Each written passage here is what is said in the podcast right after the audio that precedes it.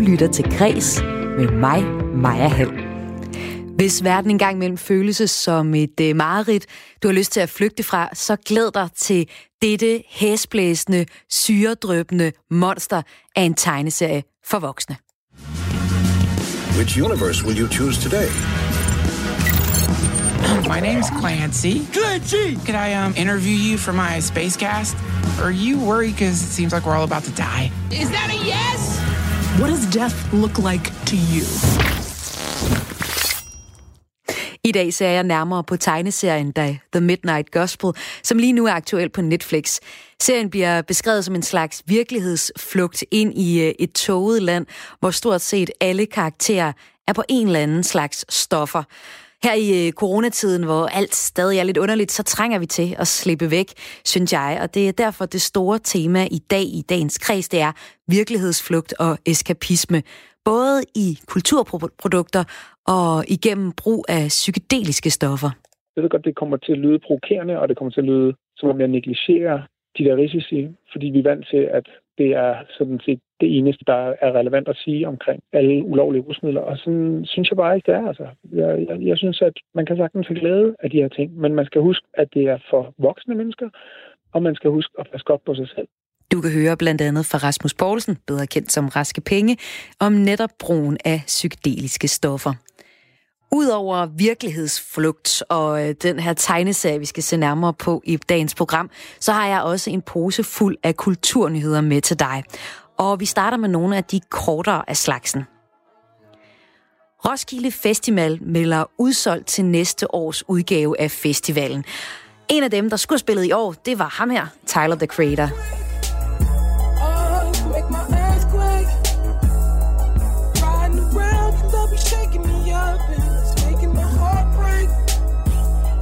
Ifølge et interview med kommunikationschef hos Roskilde Festival, Christina Bilde i P1 Morgen, er der faktisk chance for, at noget af programmet går igen næste år.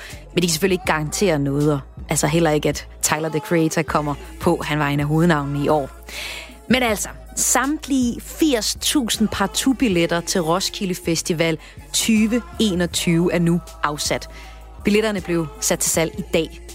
Det lyder jo ret vildt, men der var faktisk ikke så mange billetter at, at købe, fordi øh, det var sådan, at havde man som øh, mig allerede købt billet til den aflyste, men ellers også udsolgte festival i år, så øh, havde man haft valget mellem at beholde den og bruge den igen til næste år, eller få billetten refunderet.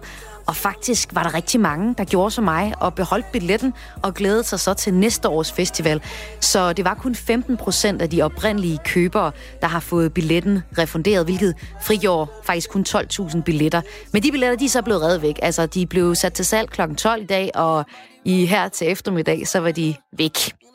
Næste års udgave er Roskilde Festivals 50. 20. udgave. Så der er mange af os, der virkelig øh, glæder os til den festival. Og hvis du ikke har nået at få en øh, fulddagsbillet til festivalen, så er der faktisk stadig endagsbilletter at få. De bliver sat til salg til efteråret.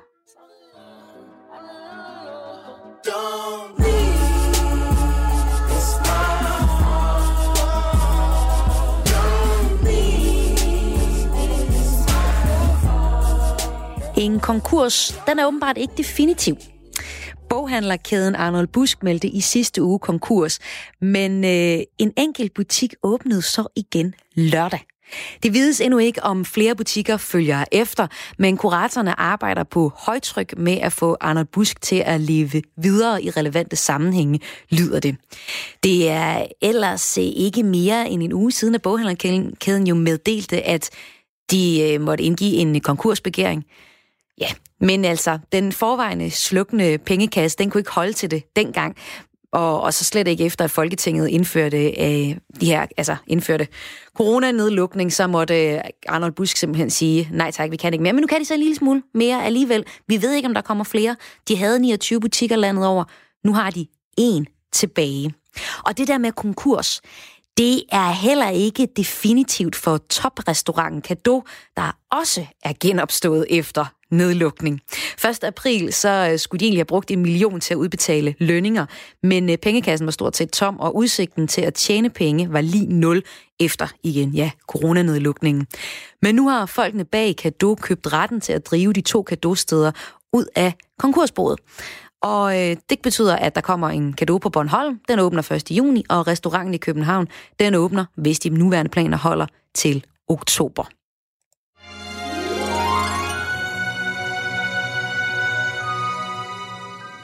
Hi, I'm Daniel Radcliffe, and this is chapter one of Harry Potter and the Philosopher's Stone, or Harry Potter and the Sorcerer's Stone, depending on where you are in the world. Okay, so. Du kan nu få læst Harry Potter højt af stjernerne. J.K. Rowlings online-platform øh, Pottermore er en kæmpe succes, der dagligt bruges af fans verden over. Og nu har hun skabt en ny platform med navnet Harry Potter at Home. I den forbindelse lancerer hun et initiativ med højtlæsning, det skriver Kino.dk. Hen over sommeren så vil stjerner læse kapitler højt fra Harry Potter og de vise sten, så alle 17 kapitler af bogen til sidst vil være tilgængelige som lydbog inde på den nye platform. De første syv højtlæsere, det er blandt andet Daniel Radcliffe, øh, Radcliffe som vi lige hørt her, og David Beckham og Stephen Fry. Højtlæsningerne på øh, hjemmesiden sker på video, mens en version med blot lyd kan findes på Spotify. Og det hele er gratis. Chapter 1. The Boy Who Lived. Mr. and Mrs. Dursley of number 4 Privet Drive were proud to say that they were perfectly normal. Thank you very much. They were the last people that you'd expect to be involved in anything strange or mysterious because they just didn't hold with such nonsense. Mr. Dursley was the director of a firm called Grunnings, which made drills. He was a big, beefy man with hardly any neck, although he did have a very large moustache. Mrs. Dursley was thin and blonde and had nearly twice the usual amount of neck, which came in very useful as she spent so much of her time craning over garden fences, spying on the neighbours. Og lige en sidste kulturnyhed af de korte. Et øh, stærkt presset koncertbureau lancerer nu en drive-in-turné rundt i landet, det skriver mediet Kulturmonitor. Det er Live Nation Danmark, der er Danmarks største koncertbureau, der øh, på det seneste har været enormt hårdt presset på grund af forårets og sommerens aflyste koncerter og festivaler. Men nu forsøger bureauet at indhente nogle af de øh, forsømte. Noget af det forsømte ved at arrangere en drive-in-turné, der i løbet af maj og juni blandt andet har LOC, Onkel Reje og en specialudgave af P4-programmet Mass og Monopolet på programmet. I think we need to simplify this. Your life that you thought was real was just a dream. Holy shit. Are you a metaphor? Ja, nu fik vi lige nogle af de kortere nyheder, og nu dykker jeg ned i dagens værk. For det er sådan, at hver dag i kreds, der ser jeg nærmere på en bestemt kulturoplevelse. Og i dag, der er det den her serie, du lige hørte klip fra. Det er serien The Midnight Gospel på Netflix. Lige om lidt, så skal jeg tale med Lars Konsak, som er lektor i informationsstudier på Københavns Universitet, om hvordan popkulturfænomener som den her tegnefilm for voksne kan være en positiv virkelighedsflugt, eller på fagsprog eskapisme. Men først så vil jeg lige give dig en lille indføring i serien The Midnight Gospel.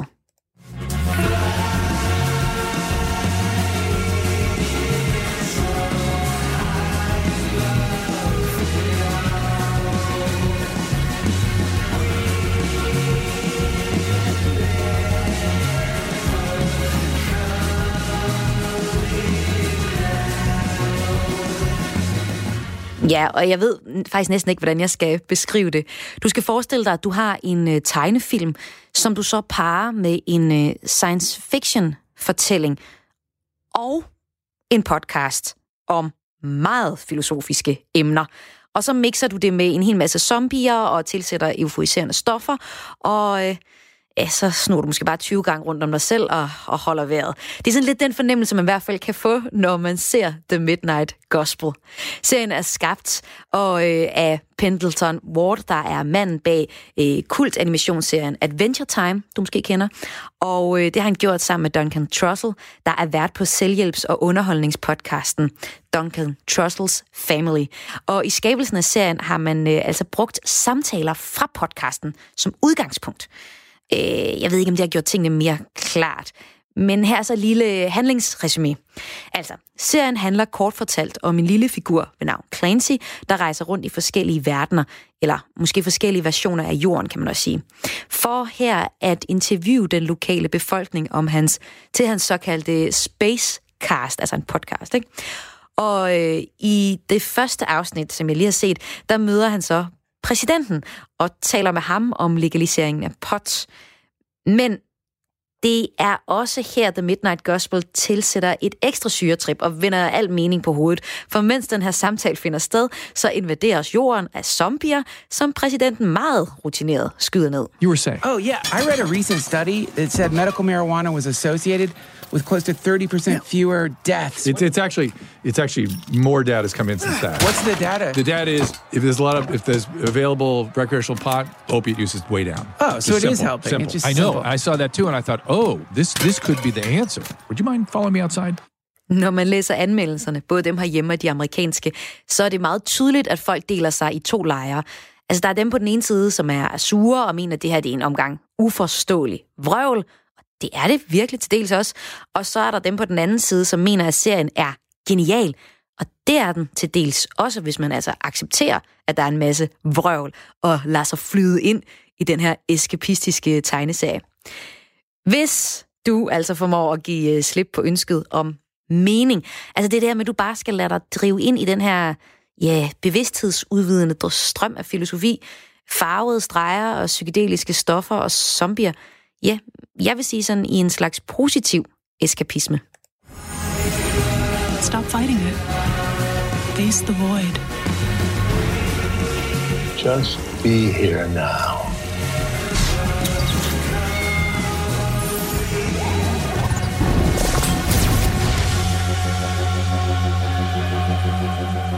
Netop begrebet eskapisme eller virkelighedsflugt i populærkulturen, det skal jeg nu tale med dig om, Lars Konsak. Velkommen til. Tak. Du er lektor i informationsstudier på Københavns Universitet og har netop beskæftiget dig med eskapisme og digital kultur. Altså, hvad er virkelighedsflugt eller eskapisme sådan helt konkret på fagsprog? Ja, altså, uden at gøre det alt for indviklet, så er det jo simpelthen, at man øh, har noget fiktion af en eller anden art, og, øh, og så øh, bruger det til at drømme væk. Eller på anden vis, det kan også være, at man bare øh, vælger at tage noget, noget kulturprodukter og, øh, og så sørge for, at man ikke tænker så meget over sit eget liv, men prøver at tænke over øh, at opleve en anden virkelighed end ens egen. Og, det- øh, komme væk fra den grå virkelighed, så at sige. Og Lars, det er der jo egentlig mange af os, øh, der godt kan have lyst til her i øh, coronanedlukningen af landet, hvor, øh, ah, hvor alting bare bliver ved med at være helt anderledes og mærkeligt, og, sådan, og vi egentlig bare gerne vil, vil forsvinde lidt ind i noget kultur. Og det kan der jo faktisk være, få, det kan vi jo faktisk få noget rigtig godt ud af. Er det ikke sådan, Lars? Jo, altså, der er jo... Øh, det, som så meget andet er, så det er jo et ikke svært og, og nogen lægger kun mærke til de dårlige sider, og nogen lægger kun mærke til de gode sider.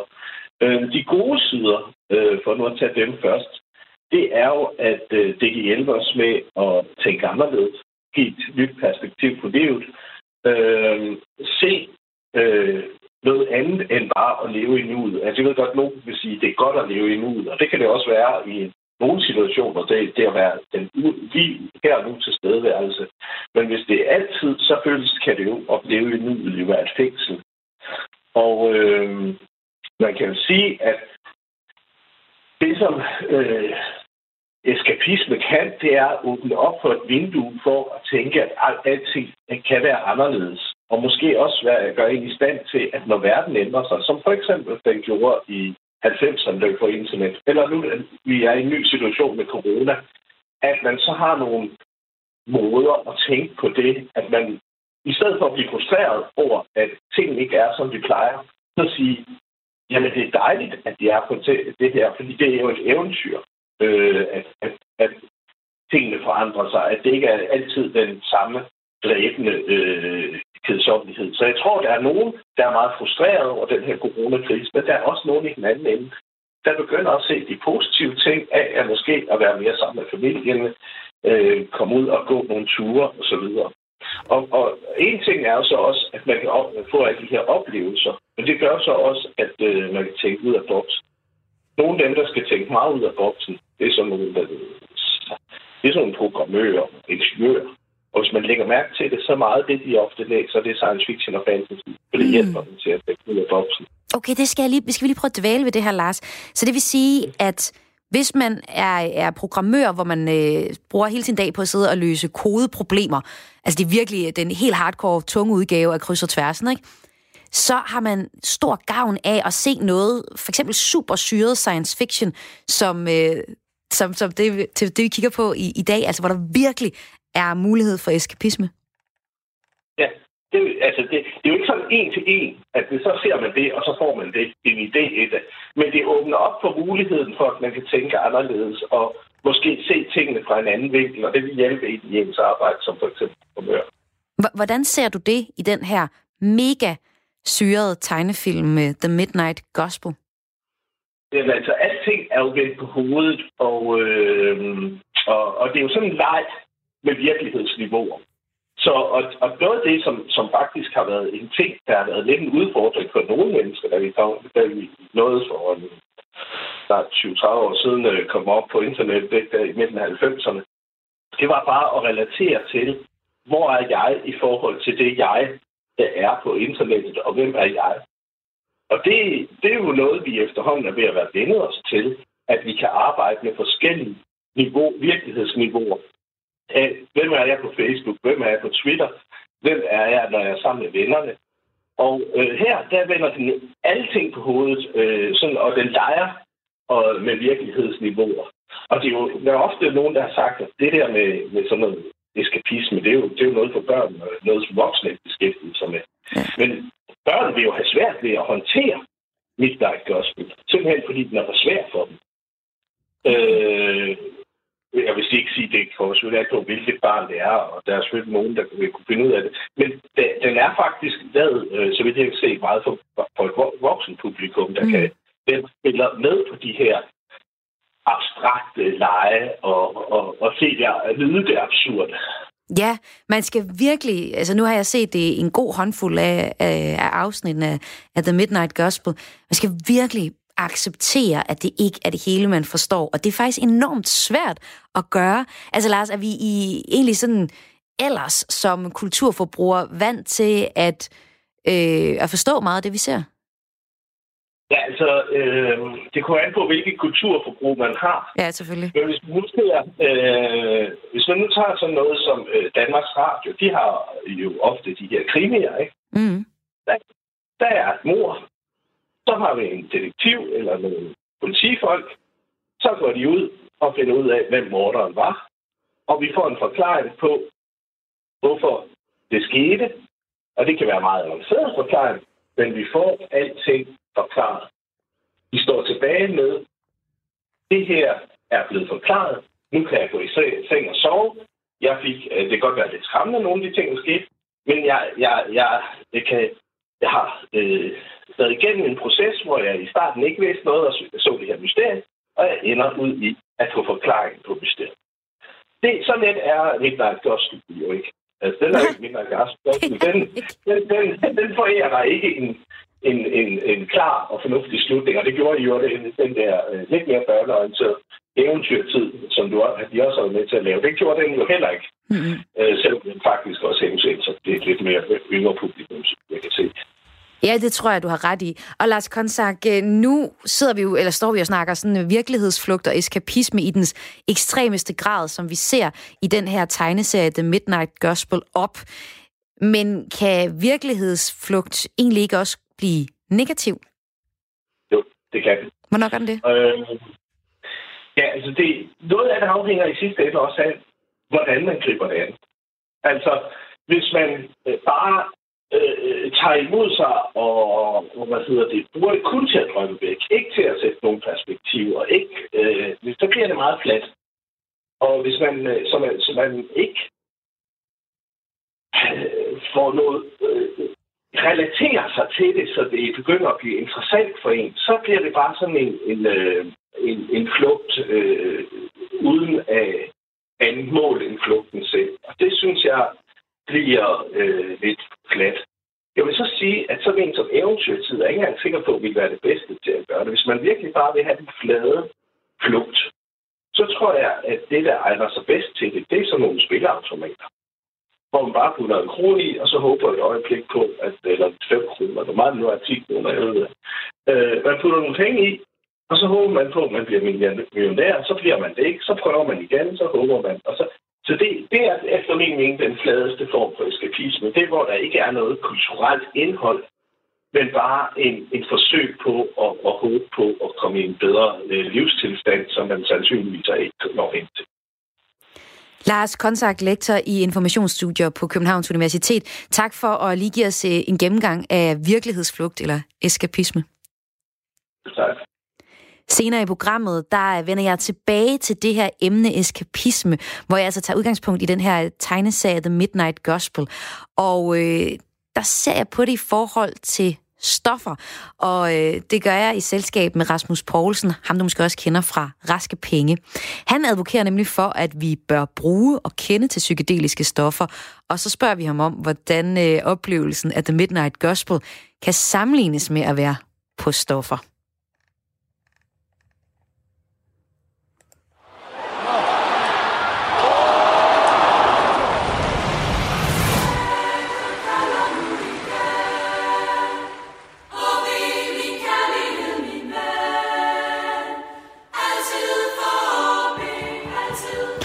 Jeg lige høre dig, der lytter med. Er Superliga-fodbold vigtigere end den nye biograffilm Undtagelsen? Jeg vil ikke bare prøve at have et professionelt forhold herinde, hvor I ikke generer mig, og jeg ikke generer jer. Altså, hvad mener du med, at du har generet os? Altså, man kan fortrænge, at man gør ting, hvis man er bange nok. Iben har ret. Vi dyr. Nej, mener flere i kulturen, der er frustreret over, at regeringens genopskubningsplan, hvor danskerne må vende, vente til juni med igen at gå på, gå på museum, i teateret, i biografen eller besøge zoologiske haver, mens storcentre, sporten og bylivet med café og bar så småt er ved at åbne. I weekenden så luftede direktør på Kunstmuseet Aarhus i Aarhus, Erland Højsten, sågar tanken om at trodse regeringsplan og alligevel åbne museet. Han måtte så senere præcisere, at det bare var ønsketænkning. Mere moderat er det hos øh, den gamle by i Aarhus, hvor frustrationen stadig er enormt stor over, at de ikke er kommet med her i fase 2. Det siger museumsdirektør Thomas Blok Ravn. Pengene får sig ud af museumskassen, om jeg så må sige. Vi er jo et museum, der i meget høj grad er afhængig af publikumsindtægter. Og når vi ikke har publikumsindtægter, så genererer det underskud på underskud på underskud, og det er jo ikke nogen sjov situation. Vi har håbet, at øh, vi kunne åbne noget før. Det skal da ikke være nogen hemmelighed. Øh, og det, når man prøver at, at, at se hvad der ellers kan åbne, så kan man jo undre sig over, at kulturen ikke kan, øh, er med. Eller ikke al kultur, men sådan nogen som os. Øh, vi har jo øh, 14.000 kvadratmeter øh, indendørs udstillinger. Vi har øh, 10.000 øh, gader øh, og, og gårde, og vi har 5.000 kvadratmeter haver, så der er masser af plads i den gamle by. Og vi kan jo sagtens øh, gøre det sundhedsmæssigt forsvarligt. Øh, så det undrede mig egentlig over, at man ligesom tog kulturen under en bank, for vi var sagtens nogen, der kunne, der kunne have åbnet. Øh, og det, jamen det, det, det er jo ærgerligt. Man kan undre sig over prioriteringerne, men øh, det er jo ikke mig, der skal lave prioriteringerne. Øh, så må vi jo følge de regler, der er. Det, der er blevet åbnet for kulturen, det er kirker, og det er øh, biblioteker. Giver det, giver det mening, at det er det, man har valgt at prioritere over for eksempel øh, museer som jer? Altså, jeg, jeg, jeg tror sagtens, at vi kunne have levet op til, øh, til de samme sikkerhedskrav. Det er jeg overbevist om, at vi kunne. Men øh, det kan være, at der er andre rationale, der ligger til grund for det. Det kender jeg ikke. Eller også, at det var gået hurtigt. Øh, men men det, det, det er svært at vurdere. Hvis det var mig, der skulle have besluttet, det er det ikke, så kunne det godt være, at jeg havde besluttet noget andet. For det kan godt være, at øh, nogle kulturtilbud, hvor man, om jeg så må sige, er meget tæt øh, på hinanden, at, at det er fint nok at vente med dem.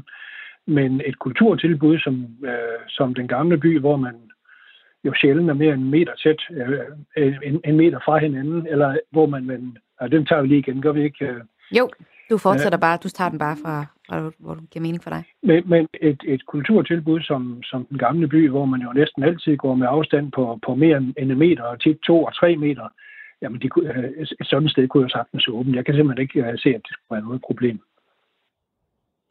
Er du frustreret over situationen lige nu for jer? Fordi I åbner jo også, I kan åbne måske om en måneds tid alligevel. Jeg er frustreret, fordi vi har allerede nu tabt mange millioner kroner, og kommer også til at, at tage flere millioner kroner. Og øh, godt nok har staten meldt ud i den seneste hjælpepakke, at man vil spænde, som de skriver, et, øh, et sikkerhedsnet ud under sådan nogen som os. Øh. Og det er jo dejligt at vide. Men jeg er sådan en, der går med livrem og seler, og jeg vil gerne have det på skrift, hvad det konkret betyder for os. Fordi jeg frygter virkelig, at vi får et ordentligt hak tilbage i den her frygtelige krise, som det jo er for hele samfundet, men så sandelig også for sådan nogen som os. Og man skal også huske på, at øh, meget kultur, det er jo ikke bare sådan et eller andet kultur, og det kan man vente med. Kultur er jo en del af en stor fødekæde, og jeg tror at hvis man spørger hoteller, campingpladser, overnatningssteder i det hele taget, hvis man spørger restauranter og butikker osv., så tror jeg, at de vil sige, at kulturen faktisk er vigtig for at tiltrække øh, kunder til dem også. Prøv lige at uddybe det. Jo, øh, jeg er da overbevist om, at, øh, eller det ved jeg positivt, at øh, der er et sted som den gamle by, sammen med de øvrige gode kulturtilbud i Aarhus, at vi genererer jo der mange overnatninger på hoteller. Det er jo de færreste, der bare kommer for at bo på et værelse. De kommer nok et sted hen, fordi der er noget at komme efter.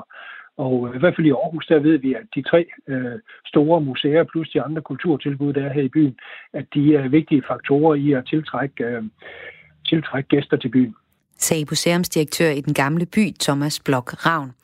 Der er dog steder i kulturen, hvor de jubler, også allerede nu. Det gælder for eksempel hos Tivoli i København, hvor pressechefen Torben Plank på Facebook i fredag skrev, Tivoli åbner 8. juni. Yay! Med aftalen om den langsigtede genåbningsplan for Danmark og udsigten til, at forsamlingsforbuddet lempes, melder vi i Tivoli nu ud, at forlystelseshaven åbner mandag den 8. juni kl. 11. Altså det er lidt forskelligt, hvordan folk har det med de her, altså kulturen har det med, med fase 2, og nogen skal så vente lidt til fase 3-åbningerne her. Og øh, så er der jo biograferne, og der kunne jeg godt tænke mig at byde øh, velkommen til dig, Lars Værge, direktør i Danske Biografer. Jeg skal høre, er du med, Lars? Ja.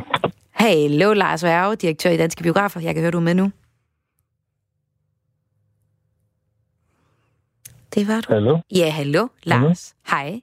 Lars Værge. Ja, kan, du... kan du høre mig? Ja, ja jeg kan sagtens høre det. Jeg kunne høre det hele, også fra den gamle by. Ja, det er godt. Velkommen til, Lars Værge, direktør i Danske Biografer, hvor øh, få steder lyder der øh, jubel for, at Nå, vi kan åbne den 8.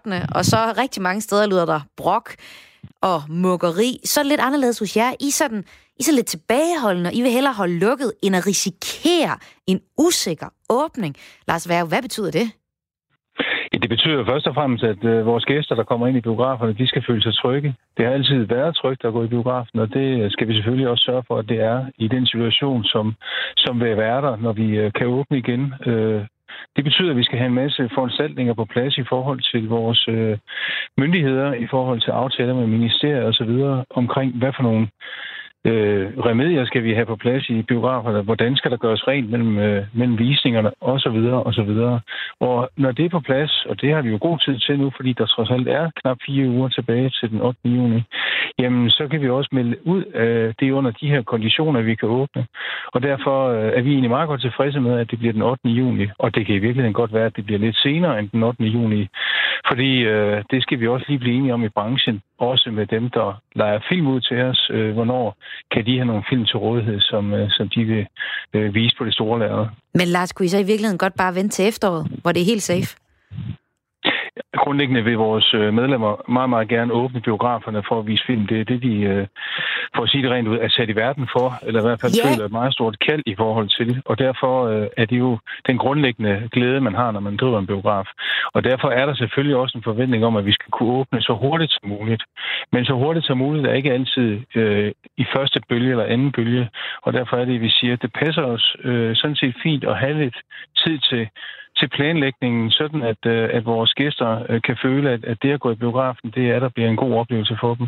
Ja, eller hvad? Fordi øh, der er jo også farlig, altså far for, at øh, det er en dårligere forretning at åbne en biograf på begrænset blus, altså hvor man skal sidde på hver anden side eller række, end at holde lukket med en solid hjælpepakke fra staten. Er det i virkeligheden strategisk, I tænker, Lars Værge? Nej, altså for lige at tage den. Øh, vi er jo øh, som private øh, udbydere, er vi jo på en helt anden måde dækket ind af, den, af de hjælpepakker, der har været. Jeg kunne forstå på det, at den gamle by føler, at de er blevet af deres hjælpepakkeordning. Så det er rigtigt. Vi har jo heller ikke nogen indtægter. Altså, der kommer jo ingen biografen. Vi har lukket ned for al øh, drift, og det vil sige, at, øh, at, at biograferne har jo også et stort behov og et stort ønske om at kunne åbne, alene for også at kunne få en omsætning i gang. Det her år bliver uden tvivl det værste, vi nogensinde har set i forhold til, hvor mange der kommer i biografen. Øhm, og det må vi jo prøve at rette op på, for at se, om vi kan komme i gang. Så der er ikke noget strategi i det andet end den strategi, der handler om, at vores, øh, vores gæster skal føle, at, øh, at det er trygt at komme ind i biografen, og, og, og mørke sænker sig, og den nye film, undtagelsen, James Bond, hvad det nu er, man kommer ind øh, en gang i løbet af, af, af de næste måneder og skal se. Tak fordi du var med her, Lars Værge, direktør i Danske Biografer. Det er mig, der takker. I regeringens præsentation af åbningsfase 2 torsdag i sidste uge var øh, der kun plads til bibliotekerne. De øh, får lov til at åbne for ind- og udlån fra på mandag. Hvis så smitteforholdene tillader det, ved fase 3 træde i kraft 8. juni, og her bliver det så for eksempel museer, teater, kunsthaller, biografer, akvarier og udendørs forlystelsesparker, der må åbne. Samtidig hæves så forbuddet mod forsamlinger til 30-50 personer. Og så er der jo så spillestederne, ja, de er først med i øh, fase 4. Jeg har kontaktet kulturminister Joy Mogensen for at få et interview om, hvorfor storcenter med åbne, men store museer ikke må. Hun vil desværre ikke stille op til interview i den her omgang. Du lytter til Græs her på øh, Radio 4, og det helt store emne i dagens program, det er virkelighedsflugt. Men jeg har også nogle forskellige øh, nyhedshistorier med dig med. Og øh, lige nu vil jeg spille dig et nyt nummer, fordi vores danske verdensstjerne Møs kæreste er også musiker, og en virkelig dygtig en af slagsen. Han er aktuel med et nyt lækkert sommernummer. Det hedder Country Boy, og kunstneren det er Goss. Det er så ikke et country-nummer, han har lavet. Altså, det er bare øh, varmt som et country-nummer, kan man sige. Og på det her nummer, der drømmer Goss så tilbage til at bo på landet, selvom han bor i storbyen og ikke helt kan slippe den. I feel so wild in the wild Think the sensation was colder than me as a child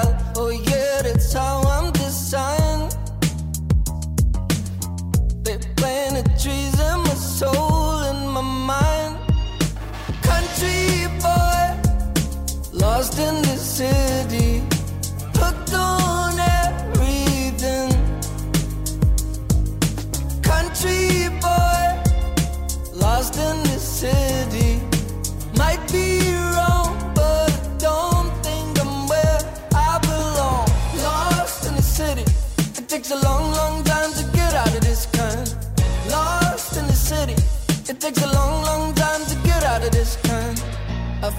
so free in the rain Open my mouth, drink as much of this world as I can. I guess I'm drowning again. And all the concrete that talks is champagne. Country boy, lost in the city, hooked on Country boy, lost in the city.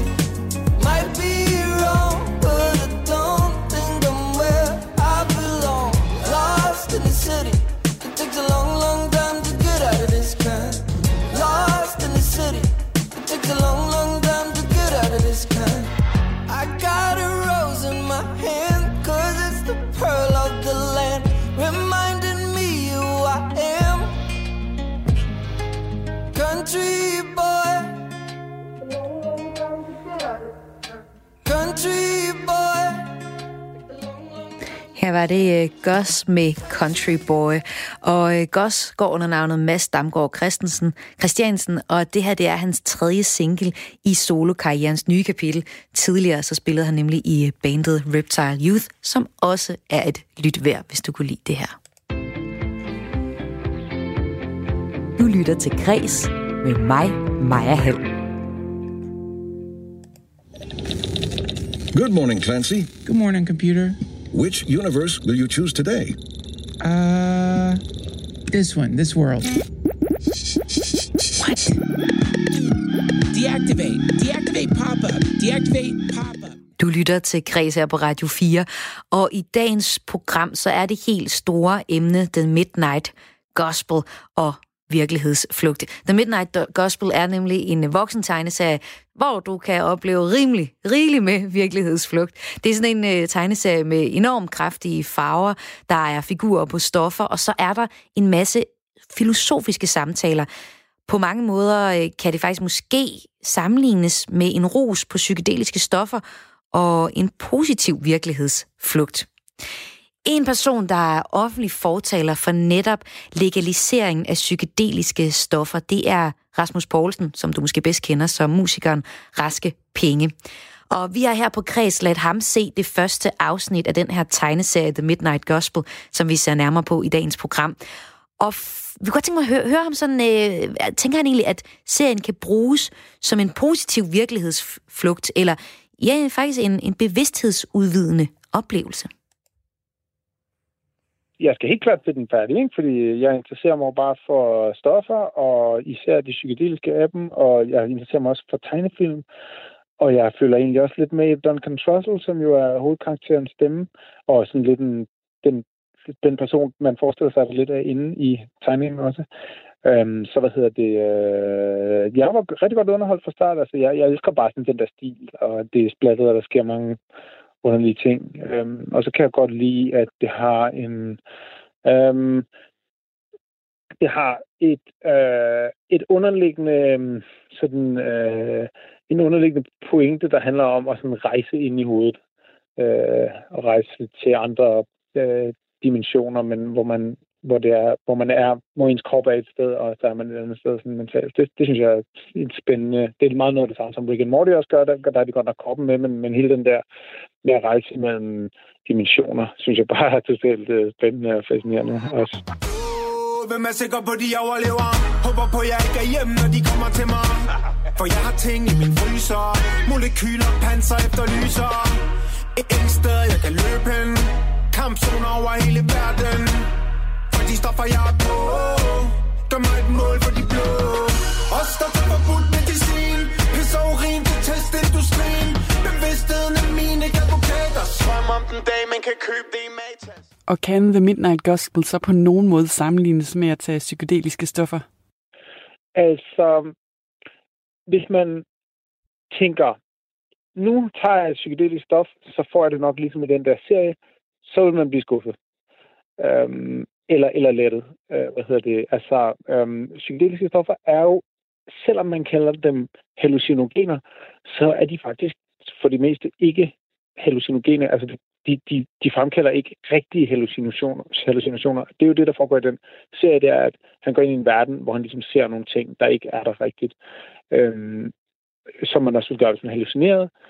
Øhm, og øh, selvom ja, selvom man kalder stofferne hallucinogener, så er det ikke en del af den måde, de virker på. Altså, de, man kan godt se nogle mønstre, og man kan også godt komme i en tilstand, hvor man, hvor man føler, at man kommunikerer med nogle væsener, øh, men det er ikke sådan på den der måde, som de, som de viser det, hvor det er totalt øh, øh, de, som at gå rundt i en anden øh, verden. Øh, øh, altså det, det har jeg i hvert fald ikke oplevet. Jeg kender heller ikke rigtig nogen, der, der sådan har.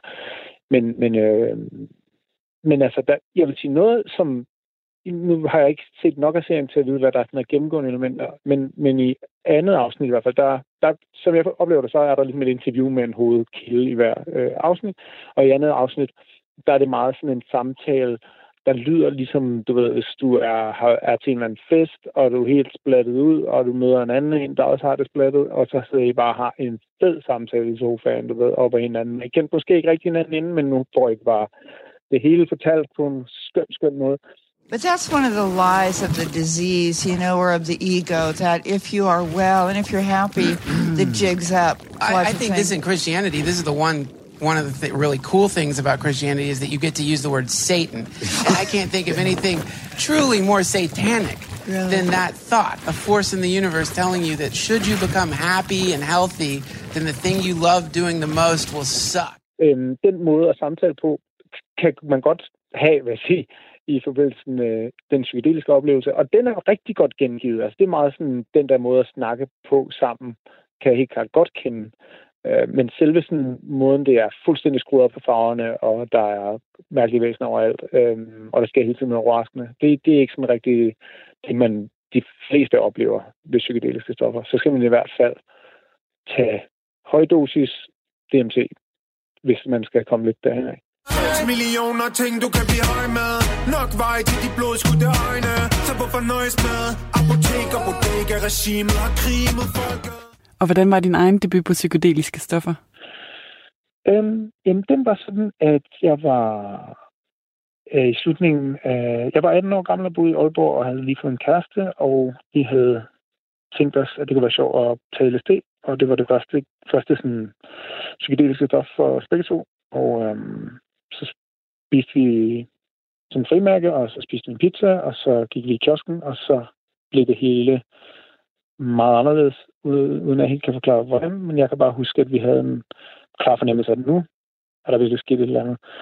Og jeg husker, at jeg havde optur over, at selvom jeg følte, at alting forandrede sig, så havde jeg overhovedet ikke noget problem med at øhm, jamen, altså finde, hvad jeg skulle bruge på hylderne, og blive ekspederet og betale. Og, øhm, du ved, det, det var ligesom, jeg var positivt overrasket, at jeg husker over, at, at jeg følte, det var kraftigt, det her. Men jeg var ikke, jeg var ikke ude af kontrol på nogen måde. Altså, jeg var ikke ligesom, hvis jeg var fuld, du ved, hvor man skvatter lidt rundt, eller ens øhm, værdier er måske så lidt til side, at man har, men der er nogle drifter, der lige pludselig er stærkere, eller man kommer til at... Jeg, jeg var helt sikker på, at jeg ikke overhovedet kom til at gøre noget, jeg fortryder nu. Jeg følte mig meget i kontakt med mit normale selv på en eller anden måde. Bare, der var ligesom bare skruet op for det hele. Altså skruet meget op for synsindtryk og lydindtryk, altså hvordan musikken lød og betydningen af ordene sagde her Rasmus Poulsen, eller Raske Penge, til min kollega Line Grønborg Poulsen. Rasmus Poulsen mener dog ikke helt, at man kan kalde brugen af stoffer for en virkelighedsflugt. Han ser det nærmere som en måde at komme dybere ind i virkeligheden på, eller som han siger, skrue op for virkeligheden. Jeg bliver nødt til at opponere imod at kalde det en virkelighedsflugt, fordi som jeg ser det, så psykedeliske stoffer, det handler ikke om at komme væk fra virkeligheden, det handler om at komme dybere ind i virkeligheden. Mm. Det er faktisk at skrue op for virkeligheden. Man kan sige, og det at kigge i et øh, teleskop, hvor du kigger, du ser noget, du ikke, der er ikke normalt er synligt langt ud i universet, det tager dig også væk fra det, du, der er din nu, nuværende virkelighed, eller din umiddelbare virkelighed, men det er jo ikke en virkelighedsflugt, det er bare at se noget virkelighed, du ikke normalt kan se. Det samme med et mikroskop, hvor du ser øh, ting og sager, der foregår i et mikroskopisk verden noget, du ikke normalt kan se i dit sansapparat. Det tager dig væk fra en laboratorium, du sidder og er i. Men det er jo lige så meget virkelighed. Det er jo bare, at du går super dybt ned i virkeligheden og ser nogle ting, du så ikke normalt har tilgængeligt. Og det er meget parallelt til det, man oplever, synes jeg, under den psykedeliske oplevelse. Kom sæt det fri, kalder det narko. Kom sæt det fri, kalder det narko. Kom sæt det fri, kalder det narko. Kom sæt det fri, Nu har du jo talt meget om, hvordan du ser, at stofferne spiller en positiv rolle i dit liv, men vil du gå så langt som til at sige, at samfundet som helhed kunne have gavn af at bruge flere psykedeliske stoffer? Øhm, altså, kort sagt, ja. Øhm, altså, man sige, vi har et meget forkvaklet forhold til rigtig mange rusmidler i dag i vores samfund. Øhm, I det, at vi har simpelthen så mange problemer med, med rusmidler.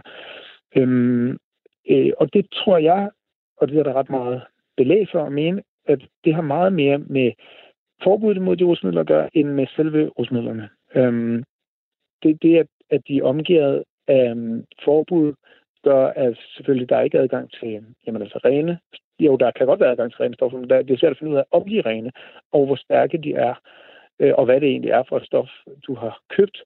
Og hvis du så vidste det, så er en funktion om, hvordan man så bærer sig bedst ad med de her stoffer, som er ikke... Øh, det er jo ikke sådan der, at alle stoffer er én ting. Altså det, det, og hvis man tænker på, hvor meget man har fået at vide, så den både for samfundet og sine forældre omkring, hvordan man skal bære sig ad i forhold til alkohol, så man ikke, øh, du ved, kører nogen ihjel eller øh, ødelægger sig selv. Øhm, og hvor svært det faktisk alligevel er, kan være at administrere bare det øh, rusmiddel. Så tænk på, at alle rusmidlerne har hver deres virkningsprofil og, øh, og risikoprofil, og Øhm, og nogle virker forskellige, forskellige dosis. Alt muligt shit, som man skal sætte sig ind i, hvis man vil være passe på sig selv i forhold til, øhm, til stoffer. Og det, det, det, den information er bare lidt svært tilgængelig. Sæt det fri, der er krig. Det spiller tid for det politi. Der er ingen amnesti, mand som mig må ikke pleje min slags terapi. Nu nævner du jo selv det her med at passe på sig selv, og alt andet end lige, så kan man jo komme galt afsted, så er det ikke et problem, at der også er en risiko forbundet med det her. Altså, hvordan spiller det en rolle i dine overvejelser?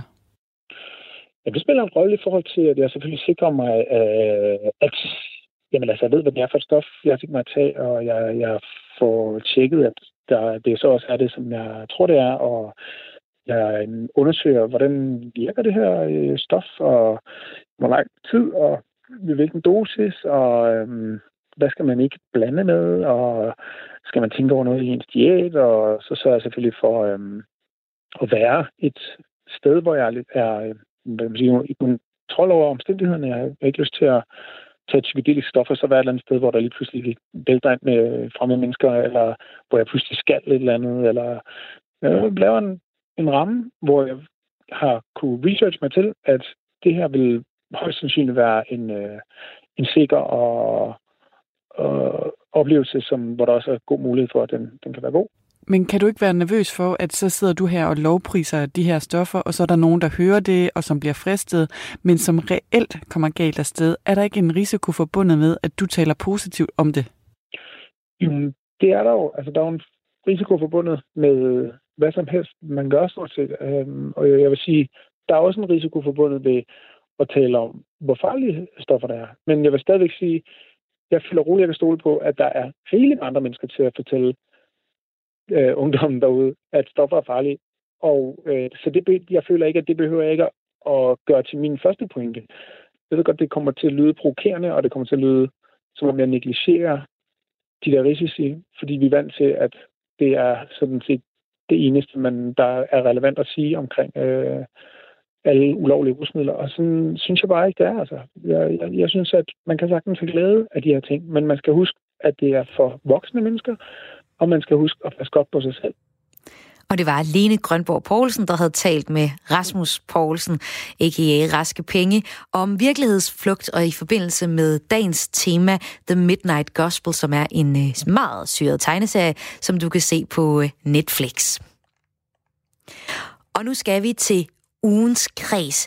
Det er det her element hver tirsdag, hvor øh, vi udplukker en en øh, kulturoplevelse, som jeg så søger en lytter til at anmelde. Og i sidste uge, der søgte jeg fans af den her tegneserie. En gang for mange, mange år siden, var der en dreng, der drømte om at blive en stor kriger. Tjalfe, den store kodræber! Bare vent og se. Tegneserien Valhalla er nemlig kommet på museum, men øh, det er ikke på et hvilken som helst museum. Det er på et digitalt et af slagsen, for i anledning af nedlukningen har Storm TP-museet på Frederiksberg skabt en digital udgave af udstillingen Valhalla, historien bag succesen. Og øh, nu kan jeg sige velkommen til dig, Tore Ribers. Ja, hej. Du er både fan kan du høre, af... hvad jeg siger? Jeg kan nemt høre dig, Tore. Du er både fan af tegneserien Valhalla og museer. I hvert fald det fysiske museum. Og øh, hele familien, mand og børn på 9 og 11 hjemme hos dig, I er ret vilde med Valhalla. Hvorfor? Jamen, fordi vi, øh, vi er vilde med den gode historie, og de, øh, nordiske, den nordiske mytologi, det er jo bare øh, gode historier. Og så når det ovenikøbet er en tegneserie, så er det jo helt fantastisk, altså. Så vi er, vi er til gode historier. I nåede så ikke på Storm P-museet inden nedlukningen for at se den her øh, udstilling. Men øh, blev I så ikke bare glade, da I kunne se, at øh, udstillingen kunne opleves øh, hjemme fra stuen? Jo, for det var virkelig, virkelig ærgerligt, at vi ikke nåede at se den. Øh, så det var fedt at se, at, øh, at det var en mulighed. Og jeg startede med at gå ind og se den selv. Øh, og jeg synes, jeg synes det, var, øh, det, var en, det var fint. Det var ikke det samme. Det er aldrig det samme at gå øh, på Digital Museum, som det er at se det, det rigtige med de rigtige genstande, de rigtige tegninger. Øhm, men jeg synes, det var godt, og det fangede det, det, fangede det fint, øh, det her med at formidle, hvordan de er blevet til, og, og hvad det er for en, en verden, hvad, hvad guderne er for nogen. Øh, og så kunne jeg godt se, der var sådan lidt nogle, øh, nogle legeelementer, men det gik jeg ikke så meget ned i. Men så så jeg det med min søn, øh, og han fangede fuldstændig med det samme. Hey, det er der der, hvor øh, Chalfe, han går på bilskierne med vasketøjet og ikke rigtig kan finde Det er da det, man skal gøre der. Der skal man da balancere, og der er vasketøjsnoren, og han fangede den med øh, katten, der er midgårdsorm, og alle de der ting, som jeg sådan lige havde set i øjenkrogen. Der, dem fangede han i hvert fald lynhurtigt, og er så lidt over, at han ikke kunne prøve det i virkeligheden, men altså, sådan var det jo så. Okay, Thor, så jeg skal lige forstå det. Der er simpelthen ligesom en udstilling, hvor man kan få lov til at få historien bag øh, Valhalla, men så er der også nogle legeelementer, kalder du det, hvor man, hvor man egentlig kunne have interageret og lavet ja, nogle ting, eller hvad? Ja. Det kunne man, fordi den digitale øh, udstilling er jo faktisk bare en, eller bare, det er en, en gennemgang øh, af den fysiske udstilling, så det er virkelig den, man, man går i. Det er ikke øh, bare nogle øh, sider, du sidder og bladrer i øh, på nettet. Det er faktisk udstillingen, de har gennemfotograferet. Øh, og så kan man så vælge nogle, øh, nogle punkter ud. Øh, og de der legeelementer, det er jo ikke noget, man sådan kan vælge, fordi det er jo netop i meningen, at man skal opleve det i virkeligheden. Men det var altså noget, han fangede, som jeg ikke lige umiddelbart fangede ved, øh, ved første øjekast. Ja, det var jo så vel egentlig lidt ærgerligt, at så. man ikke kunne opleve det her. Det var lidt ærgerligt. ja, det var lidt ærgerligt. Men, øh, men han synes, det var fint, og det er også det, jeg synes er sjovt at se, hvordan, øh, hvordan Peter Massens tegninger har udviklet sig, øh, og sådan de der lidt hø-hø-historier, der er øh, rundt omkring i, øh, i tegneserien. Øh, og det fanger man fint, altså. Ja. Og så tænkte jeg lidt som voksen, da jeg havde set den første gang, jeg tænkte, ja. Nej, bare fortsæt. At øh, det vil jeg får, ja, at øh, hvis jeg var dansklærer i øh, 8. og 9. klasse, måske endda i 1. G, så kunne jeg godt have fundet på at tage ind med en, en klasse for sådan ligesom at introducere dem til tegneserie, genre og fortælle greb og sådan noget. Det synes jeg egentlig også, den, øh, den havde nogle elementer, øh, der kunne bruges i sådan en sammenhæng. Og noget af det, man kunne... Så jeg synes faktisk, den kunne noget. Ja, og noget af det, man kunne, det var at, at høre Peter Madsen, tegneren, fortælle om tegneserien. Altså det kan man jo sige, mm. at, at det kunne man også have set mange andre steder på YouTube. Altså var det egentlig noget værd at se den her udstilling hjemmefra? Ja, når ikke vi kan komme på rigtig museum, så synes jeg absolut, at, øh, at det var fint. Men jeg synes også, det sætter nogle tanker i gang, og det tror jeg også, det gør hos museer generelt. Det håber jeg lidt oven på den her krise i hvert fald. Hvordan man netop kan formidle øh, digitalt. Fordi øh, skal man bare gennemfotografere en udstilling, og så kan folk gå rundt i den, eller, eller skal man i virkeligheden noget andet? Fordi du har da fuldstændig ret, altså man kan jo også gå ind og se den film, øh, det sekvens med Peter Madsen, men den kunne vi lige så godt have set på, øh, på YouTube. Så, så øh, der, er, ja, der er mange, der kunne, øh, kan overveje, hvad man kan gøre for at formidle digitalt på museerne, tænker jeg. Og summa summarum, kan du anbefale udstillingen her, Tora Rivers? Ja, det kan jeg og man skal se den med et barn. Det synes jeg, Sådan. man skal gøre. Det var tak. det sjoveste. Tak fordi du ja. var med her, Tore Ribers. Ja, selv tak. Der var en lille smule forsinkelse på forbindelsen, men her var det altså Tore Ribers, der øh, lytter fra Fredensborg, der var anmelder på ugens kreds, som altså er den her Valhalla-udstilling, man kan se online på Storm P. Museet. Og det er sådan, at hver uge, så udvælger vi et stykke kultur, som vi beder en lytter om at opleve og give en anmeldelse af. Og det her det er jo så en museumsoplevelse. Er du mere til kul- kulturoplevelser af den kulinariske slags, så er det måske dig, der skal have gavn af denne uges kreds. For øh, som altid sætter jeg en øh, kulturoplevelse på højkant til en lytter, og i denne uge er det en kasse med gin, fordi ugens kreds er en virtuel ginsmagning. Jeg har øh, taget en øh, gin med, der hedder Apple, som burde være en London Dry, men det er det ikke, fordi jeg stopper processen lidt. Den er fra destilleret Gefion, og den er produceret på danske æbler. På lørdag kl. 20.15, der afholder ginbaren Two Socks nemlig en uh, virtuel ginsmagning. Og øh, det er noget, mange bar har udbudt her under coronanedlukningen. Men jeg kunne egentlig godt tænke mig at høre, hvordan det er at tage sådan en kulturoplevelse hjemmefra. Fordi jeg har hørt nogle venner fortælle om det her. Det var, det var mega fedt, og så drak vi nogle bajer, og så hørte vi lidt om det, og det var super godt. Men jeg kunne godt tænke mig ligesom at, at tage en af jer lyttere til at fortælle lidt om, hvordan er det som kulturoplevelse at være til ginsmagning, altså hjemme fra sin sofa. Fungerer det, fordi man ikke skal bekymre sig om alkoholprocenten og eller er det lidt kedeligt at drikke selv? Man kan selvfølgelig gøre det sammen med den, man bor sammen med. Nå, det kunne jeg virkelig godt tænke mig at høre om. Tusox, de tager øh, deltagerne igennem øh, fem forskellige slags gin og fem forskellige slags tonics, som bliver leveret i en kasse, inden eventet begynder. Og skal sådan en kasse leveres til dig på vores regning, jamen så skriv til kreds radio4.dk, og det er k r a e s radio4.dk. Det her, det var alt for øh, kreds i den her omgang. Programmet var tilrettelagt af Lene Grønborg Poulsen. Jeg hedder Maja Hall og er din vært, og jeg er tilbage igen i morgen. Lige om et øjeblik, så får du et øh, nyhedsøjeblik og overblik, og efter det, så er der Krimiland.